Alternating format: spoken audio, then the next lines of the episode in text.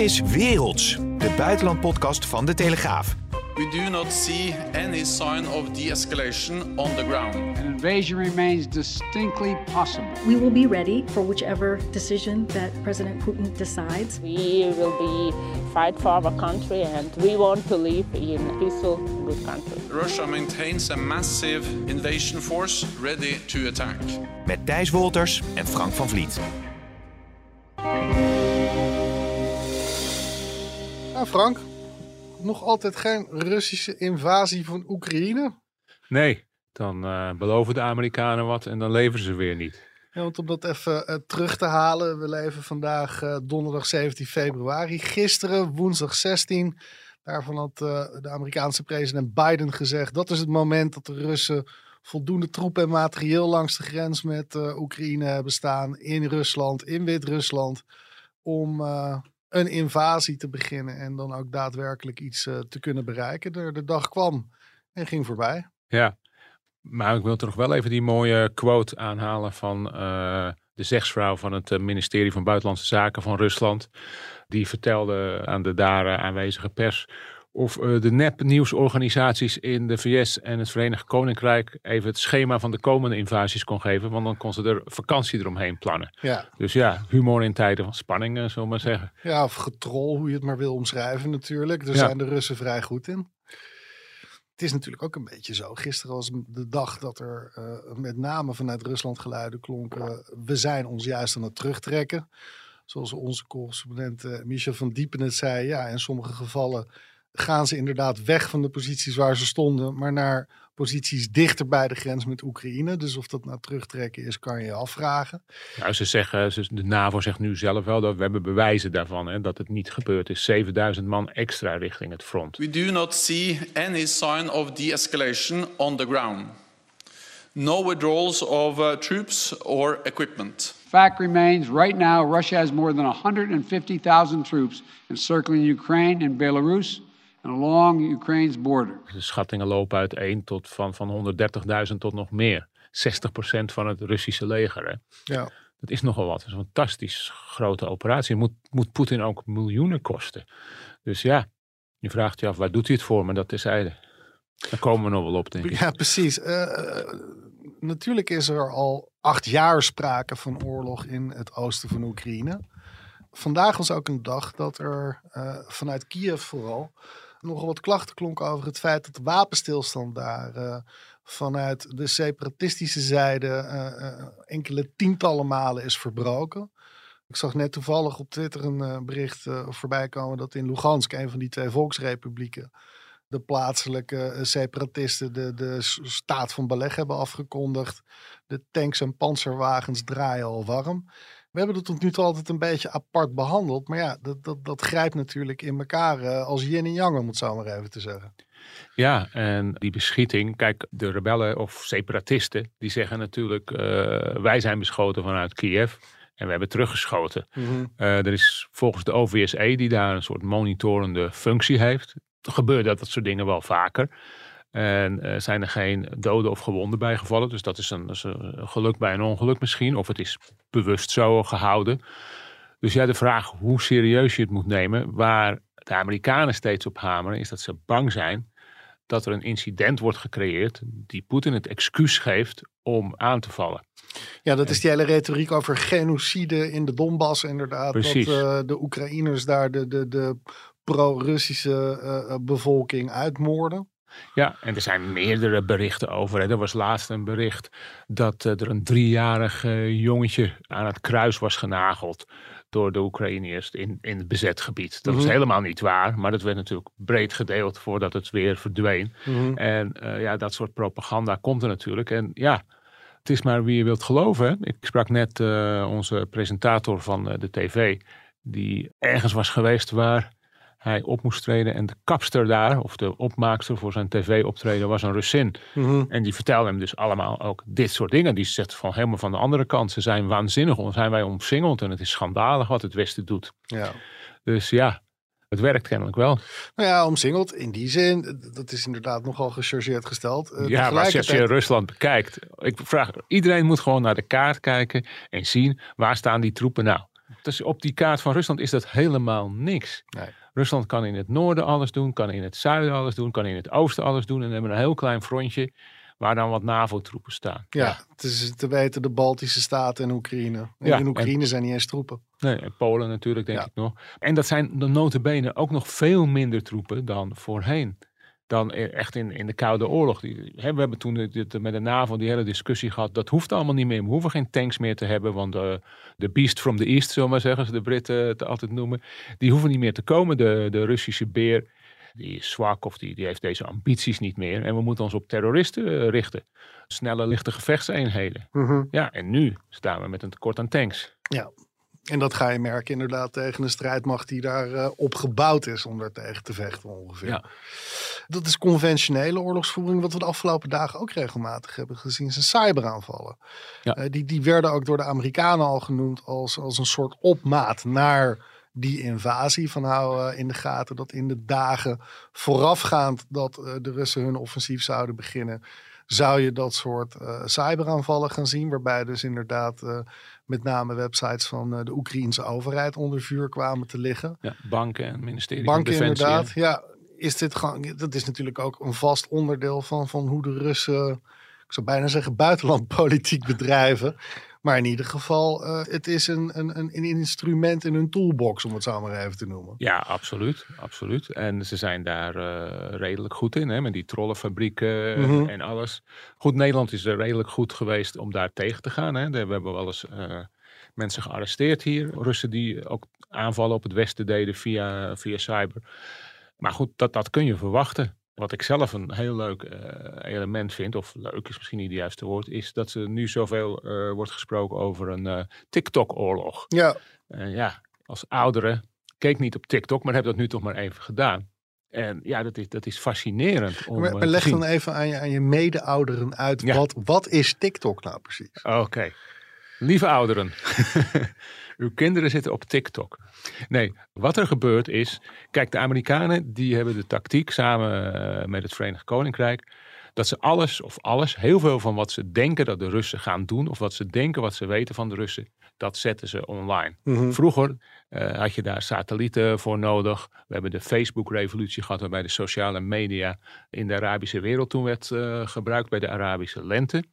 Wat er nu gebeurt, is natuurlijk, hè, sinds die Arabische lente zijn de mobiele telefoons nog geavanceerder geworden, nog meer social media. En uitgerekend eh, TikTok, maar ook Instagram. Daar maken mensen natuurlijk fotootjes en videootjes op. Kinderen ook. Wat gebeurt er nu? Je loopt in een eh, klein Russisch dorpje waar nooit wat gebeurt en opeens scheuren er een paar tanks voorbij. Dus je maakt een filmpje. Ja. Die filmpjes worden gedeeld. Die filmpjes worden dus onderschept door de Amerikaanse inlichtingendienst. En die gaan dan kijken, hey, is er iets op dit filmpje waaruit we de locatie kunnen herkennen? Een gekke kerktoren, ik noem maar wat. En dat kunnen ze dus. Het is een beetje zoals eh, Bellingcat toen eh, werkte naar de MH17. MH17-ramp om die te reconstrueren. En eh, het is fascinerend dat juist TikTok dat doet. En TikTok is eh, heel populair in Rusland. Ik geloof dat 40% van de Russen erop zit. Mhm. En dus het zijn niet alleen kleine kinderen, maar eh, hun ouders misschien ook. En die maken ook filmpjes, net als op Instagram. En ja, ook misschien nog wel eh, Russische soldaten die tegen de bevelen in nog even snel een stoere plaatje maken. En dat wordt allemaal gesignaleerd. Dus in plaats van van bovenaf naar het conflict kijken, kun je nu eigenlijk live op de grond ook meekijken als je dat heel breed opzet en heel goed ziet. Het is echt een heel nieuw aspect eigenlijk aan, aan, aan spionage. Ja, terwijl je toch, dit, dat is echt zo'n bekende tekst uit de Tweede Wereldoorlog. Loose lips, sink ships. Eh, ik Ja. neem toch aan dat de Russische legerleiding hier ook niet blij mee is. Nee, natuurlijk niet. Maar ja, die burgers kun je dat natuurlijk niet, daar kan je, daar kan je niks aan doen. Nee. En kijk, er zullen altijd soldaten, hè, misschien hebben ze wel eh, alle mobieltjes afgepakt, maar er zullen altijd soldaten blijven eh, die naar een vriendinnetje even een stoere foto eh, appen of weet ik wat. Dus ja, dat kan je onderscheppen. Het werkt ook naar een andere kant, heb ik begrepen. En dat is dat de Russen weer op TikTok filmpjes zetten. Waaruit blijkt dat ze dit doen met die tanks die kant op gaan. Die, of ze dan die kant op gaan of niet. Gevechtsvliegtuigen laten zien. Bombardementen laten zien. Die worden op TikTok gezet. Waardoor die kinderen, en TikTok wordt meestal eh, bekeken van kinderen van van jaar of negen tot nou, 14, 15 denk ik. Mhm. En dan gaan ze verder. Hè. En vroeger stonden daar vrolijke dansfilmpjes op of zo. Of make-up tips. En nu kan je dus, zie je dus opeens bombardementen. En nu had de, een Zweedse krant had eh, onlangs zelfs een verhaal dat de Zweedse kinderen naar de hulptelefoon bellen met de vraag: wordt het oorlog? Want die zien die beelden van Ja. de Russen. En dat is natuurlijk heel slim, want hoe maak je ouders ongerust als ouders zich ongerust maken over het welzijn van hun kinderen? Dus de mensen in de Oekraïne zien ook die beelden. Hun kinderen hebben dat. En komt bij eh, papa of mama of bij de babushka. Die overigens ook naar de wapens grijpt. Dat hebben ze weer een ander verhaal. Ja. Maar daar kunnen we het ook straks nog even over hebben. Maar ja, die maken zich dus ook weer ongerust. Dus ja, het is, het is een hele fascinerende propaganda. Oorlog, inlichtingen, dienstenoorlogen. Dus aan de ene kant helpt het de Amerikanen, dat, eh, die TikTok-plaatjes. En aan de andere kant kun je zeggen, helpt het de Russen ook weer om, om angst te verspreiden. Ja, even uit de losse pols. Weten we eigenlijk al of de Russen dit ook hun voordeel gebruiken? Je hebt een heel beroemd voorbeeld eh, van vlak voor de invasie eh, van D-Day in 1944. Dat er eh, in Engeland bij het kanaal een soort nepleger is neergezet. Waardoor de Duitsers dachten van, oh dan zal daar de invasie wel Ja. gaan plaatsvinden. Weten we wel iets of, of Russen ook nepfilmpjes op, op TikTok zetten om meekijkende inlichtingendiensten Ja. op het verkeerde been eh, te zetten? Ja, met kartonnen tanks en zo. Dat bij eh, wijze van spreken, ja. maar Ja, nee, ik weet dat niet. Ik weet het niet. Ik kan dat niet. het zou me niks verbazen. ja. Wat nog, ook nog wel grappig is, is dat er in, over met name in Oost-Europa, zijn er kinderen die naar een, die onder de mom eh, Daddy Vladi. Dus eh, papa Pu- Vladimir Poetin. Dus Daddy Vladi, die zetten dan dingen op Instagram en op eh, dit soort sites van, oh alsjeblieft Daddy, maak geen oorlog, make peace. Ja, en dat gaat dan allemaal wel weer naar, dat heb ik net laten uitzoeken hier door onze eh, online eh, kenner. En die zegt, ja, die website dat, die gaat niet echt naar de website van Vladimir Poetin. Maar die lijkt er wel op. En zo, en ja, kijk, kijk jonge kinderen die, eh, die lezen helaas, eh, moeten wij natuurlijk zeggen, geen kranten meer. Of kijken geen tv-journaals. Maar die zitten wel op TikTok en Instagram. Ja. En er zijpelt toch iets door. Je had het net over de babushka's. Want we hebben Ja, in eerste leuk. instantie Marcel Vink, eh, nu onze correspondent Michel van Diepen, die ook in Oekraïne zijn geweest. En die, die hebben ook gezien hoe Oekraïners, zowel de Oekraïnstaligen als de Russisch-taligen, want dat wordt wel eens vergeten, zich opmaken voor die oorlog. En dan tot aan omaatjes aan toe inderdaad, die, die nog even snel uitgelegd krijgen hoe ze een Kalashnikov moeten bedienen. Het gaat natuurlijk om hun voorbestaan. Het is, dit is Ja, Het doen, heeft natuurlijk we, iets we om- lachen toen net wel, maar dat, het is natuurlijk in, in triest. Heb Nou ja, gelijk kijk, in. ook Ja. natuurlijk door TikTok, doordat je het op je telefoon zit, blijft Ja. het ook een beetje op afstand. Maar voor die mensen Ja. is het inderdaad de realiteit die ze op straat zien. Hoewel ook de Oekraïners wel heel eh, rustig blijven, zo, Ja. als ik zo Misha mag geloven. Maar er zijn mensen die zichzelf verdedigen en er zijn, eh, worden dus inderdaad schietlessen gegeven. Ja, inderdaad, als ze Marcel hebben, krijgen ze Kalashnikov. Maar ik heb ook beelden gezien van een hele groep in een park die met houten geweertjes staat te oefenen. Ja, wat doet dat aan denken? Ja, precies. een Nederlandse Pang, leger. dus ja, en het, het, het is fascinerend ook hoe, ze- hoe... We hebben ook een foto gehad volgens mij online van een vrouw die in de keuken staat met, met een enorm modern wapen. En zegt van ja, als ze komen ga ik schieten. Ja.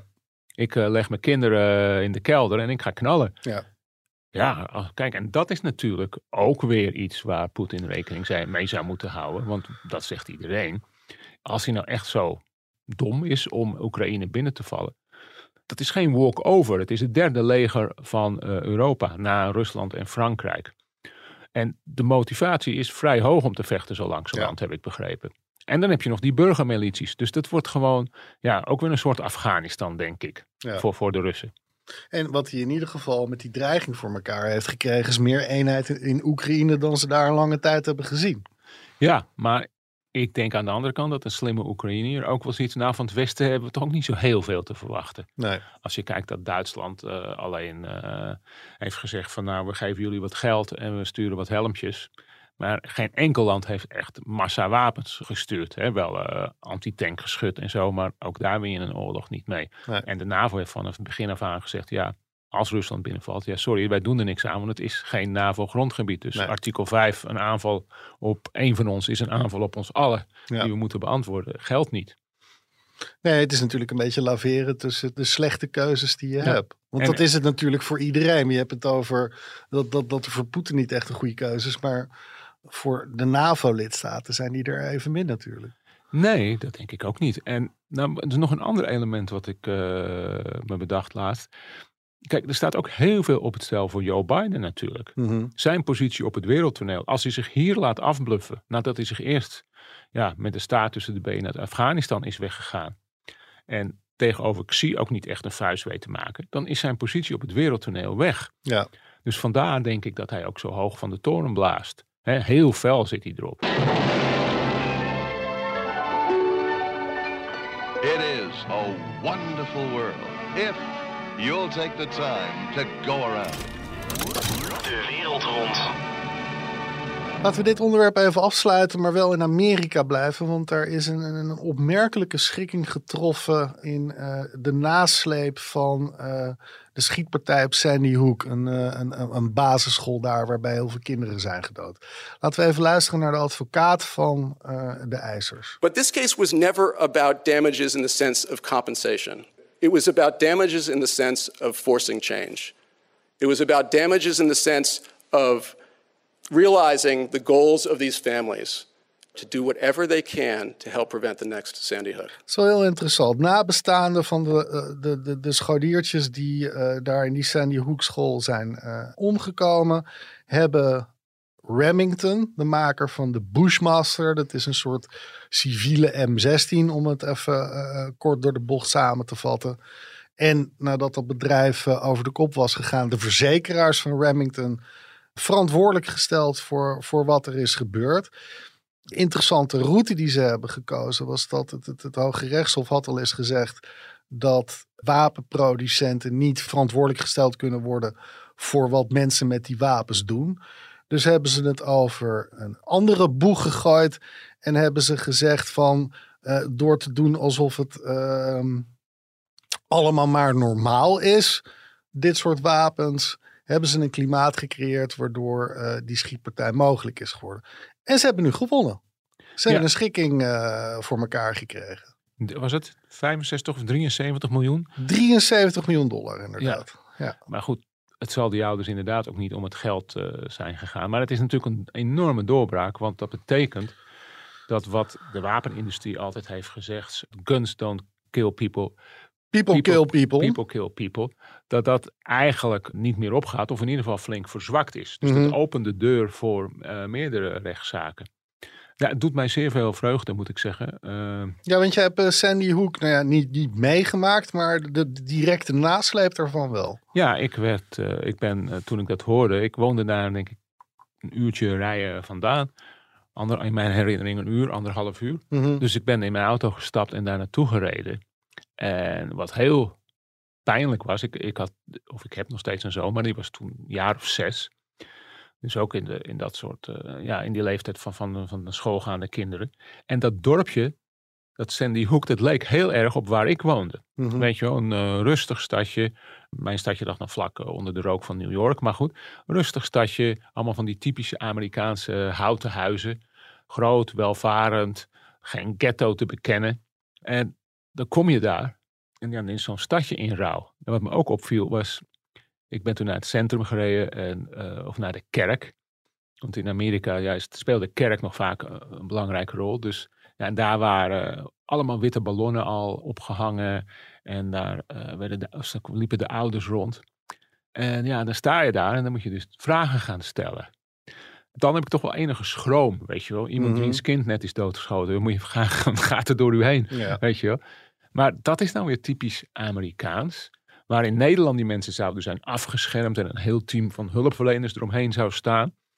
Hè, we zat hier de pastoor en die zei, nou moet je met die praten of met die.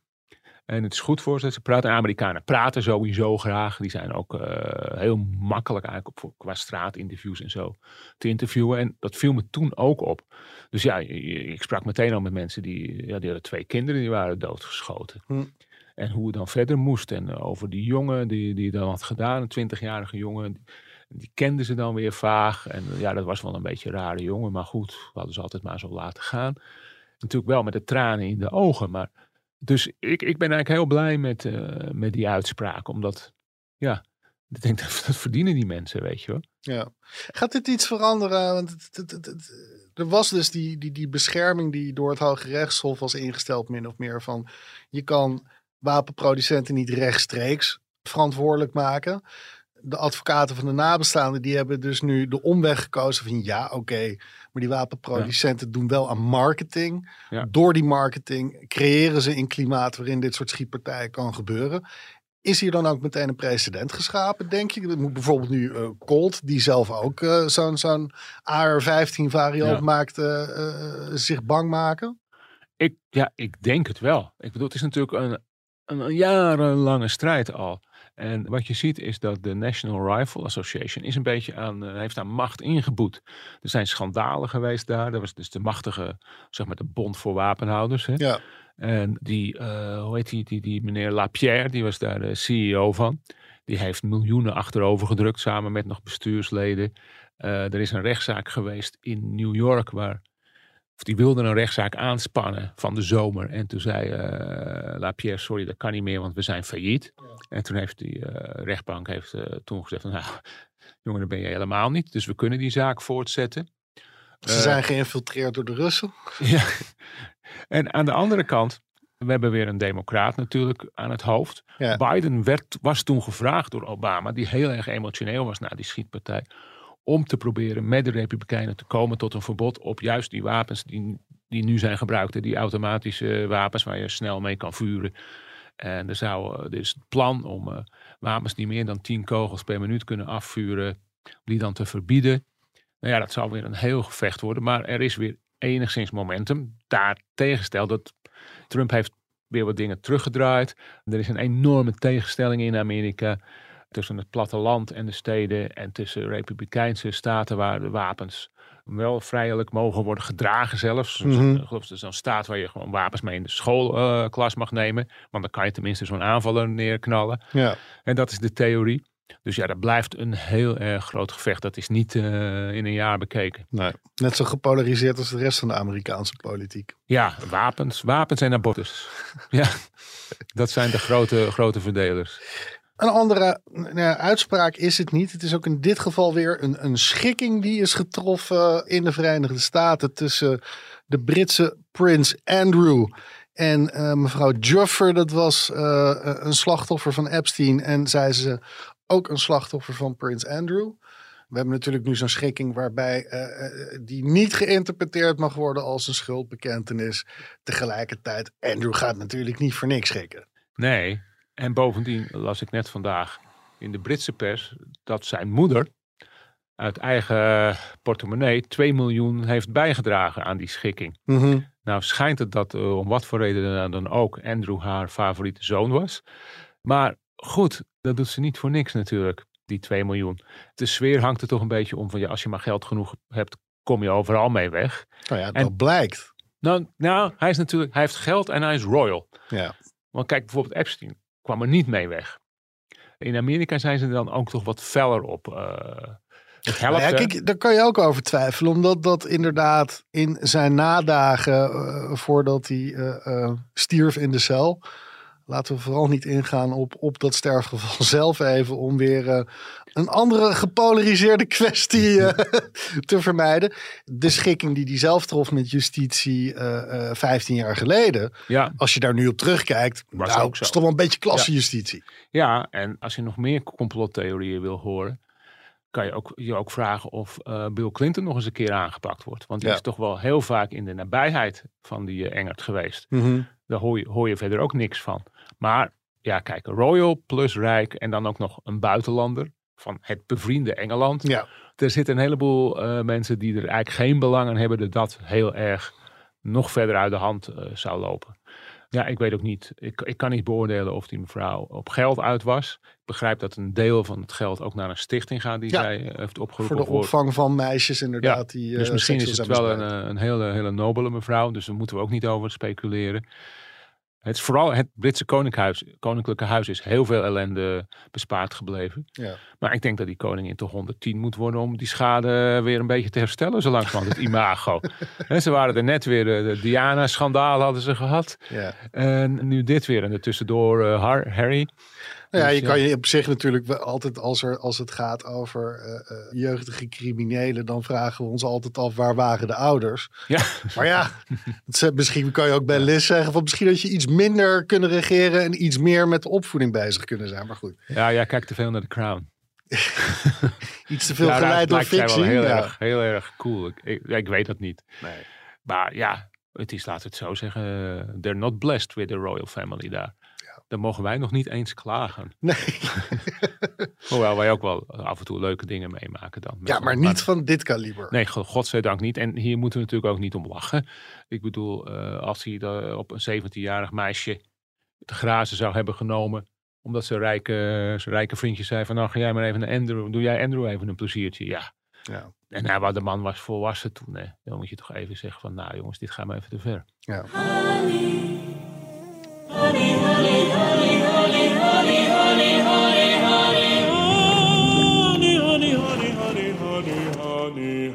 Het Giltje. Ja, het giltje. En, en daarvoor gaan we dit keer naar Maleisië. En, en toch een beetje bij het vorige onderwerp in, in, in zekere zin. De eh, staatssecretaris voor meisjes- en huishoudelijke zaken. Die, die heb je daar ook gewoon. Dat is mevrouw eh Siti Zaila Mot Yusuf. Ehm, Nou, het is wel een mevrouw tenminste. ja, maar wat heeft ze gezegd? Als meisjes zich een beetje misdragen, dan eh, heeft ze een video op Instagram die eh, de suggesties van mama heet. heeft ze gezegd van tegen de vaders, nou, praat natuurlijk altijd eerst met je dochter. Maar als het daar niet mee is opgelost, dan moet je er gewoon een goede map verkopen. Dat heeft op zijn zachtst gezegd nogal wat eh, ophef veroorzaakt in Maleisië, omdat ehm, het, het natuurlijk niet meteen de bedoeling is dat er vanuit overheidswegen een advies komt om je dochters, laten we ook weer duidelijk zijn, het waren alleen de dochters als die zich Ja. misdragen, dan krijgen die klappen over de zoons werd, eh, ik zou bijna vanzelfsprekend zeggen, niets gezegd. Heel veel ophef veroorzaakt. Er zijn zelfs oproepen nu eh, aan deze eh, staatssecretaris om op te stappen na deze oproep. Want het kan natuurlijk niet dat de overheid oproept. eh, alleen als je bedenkt dat er in het jaar 2021 meer dan 9000 gevallen zijn geweest van huishoudelijk geweld in Maleisië. Gerapporteerde, hè? Ja, precies. Ja. Dan kan je inderdaad nog afvragen hoe, hoe groot dat getal in werkelijkheid is. Het is de vraag of ze kan blijven zitten of niet. Eh volgens nog heeft ze in ieder geval geen enkel eh, eh, voornemen om haar staatssecretariaat vaarwel te zeggen. Misschien moet ze een klapje krijgen van haar man. Mag ik dat niet zeggen? Zachte dwang misschien dan Ja. inderdaad. Ja. Een goed gesprek eerst. Ja. Tot zover de podcast Werelds van de Telegraaf met eh eh, buitenlandredacteuren Frank van Vliet en ondergetekende Thijs Wolters. Over twee weken zijn we er weer.